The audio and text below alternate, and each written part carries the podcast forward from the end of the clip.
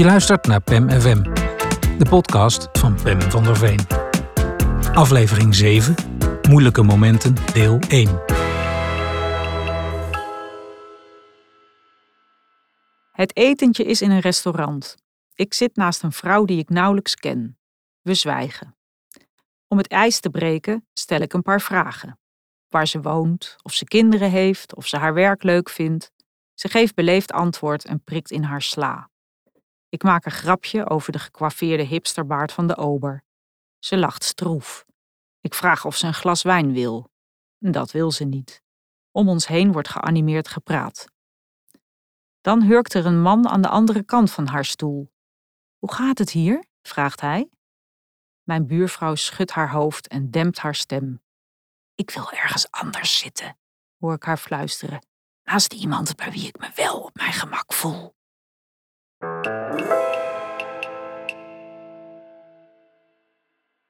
De avond voor de woordjestoets doe ik nog even een overhoring.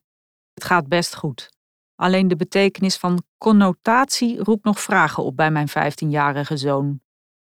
Het is de emotionele betekenis van een woord, leg ik uit. Het gevoel dat het oproept, dat is de connotatie. Aha, begrijpt mijn puber opeens. Dat ik bijna over mijn nek ga als ik jouw naam hoor, bedoel je dat? Ja, dat bedoel ik. Een ander voorbeeld was misschien leuker geweest, maar goed, hij heeft de kern wel begrepen. Dus lach ik om zijn zogenaamde grap en ga door naar het volgende woord. Conglomeratie?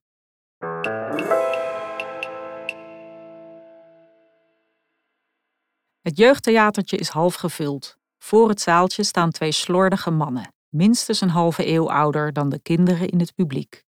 Ze hebben verweerde gezichten, dragen vale spijkerbroeken en smoezelige slobbershirts. Op hun grijze haar staat een pet.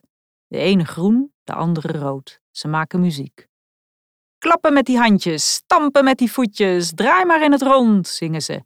En schudden met die billen.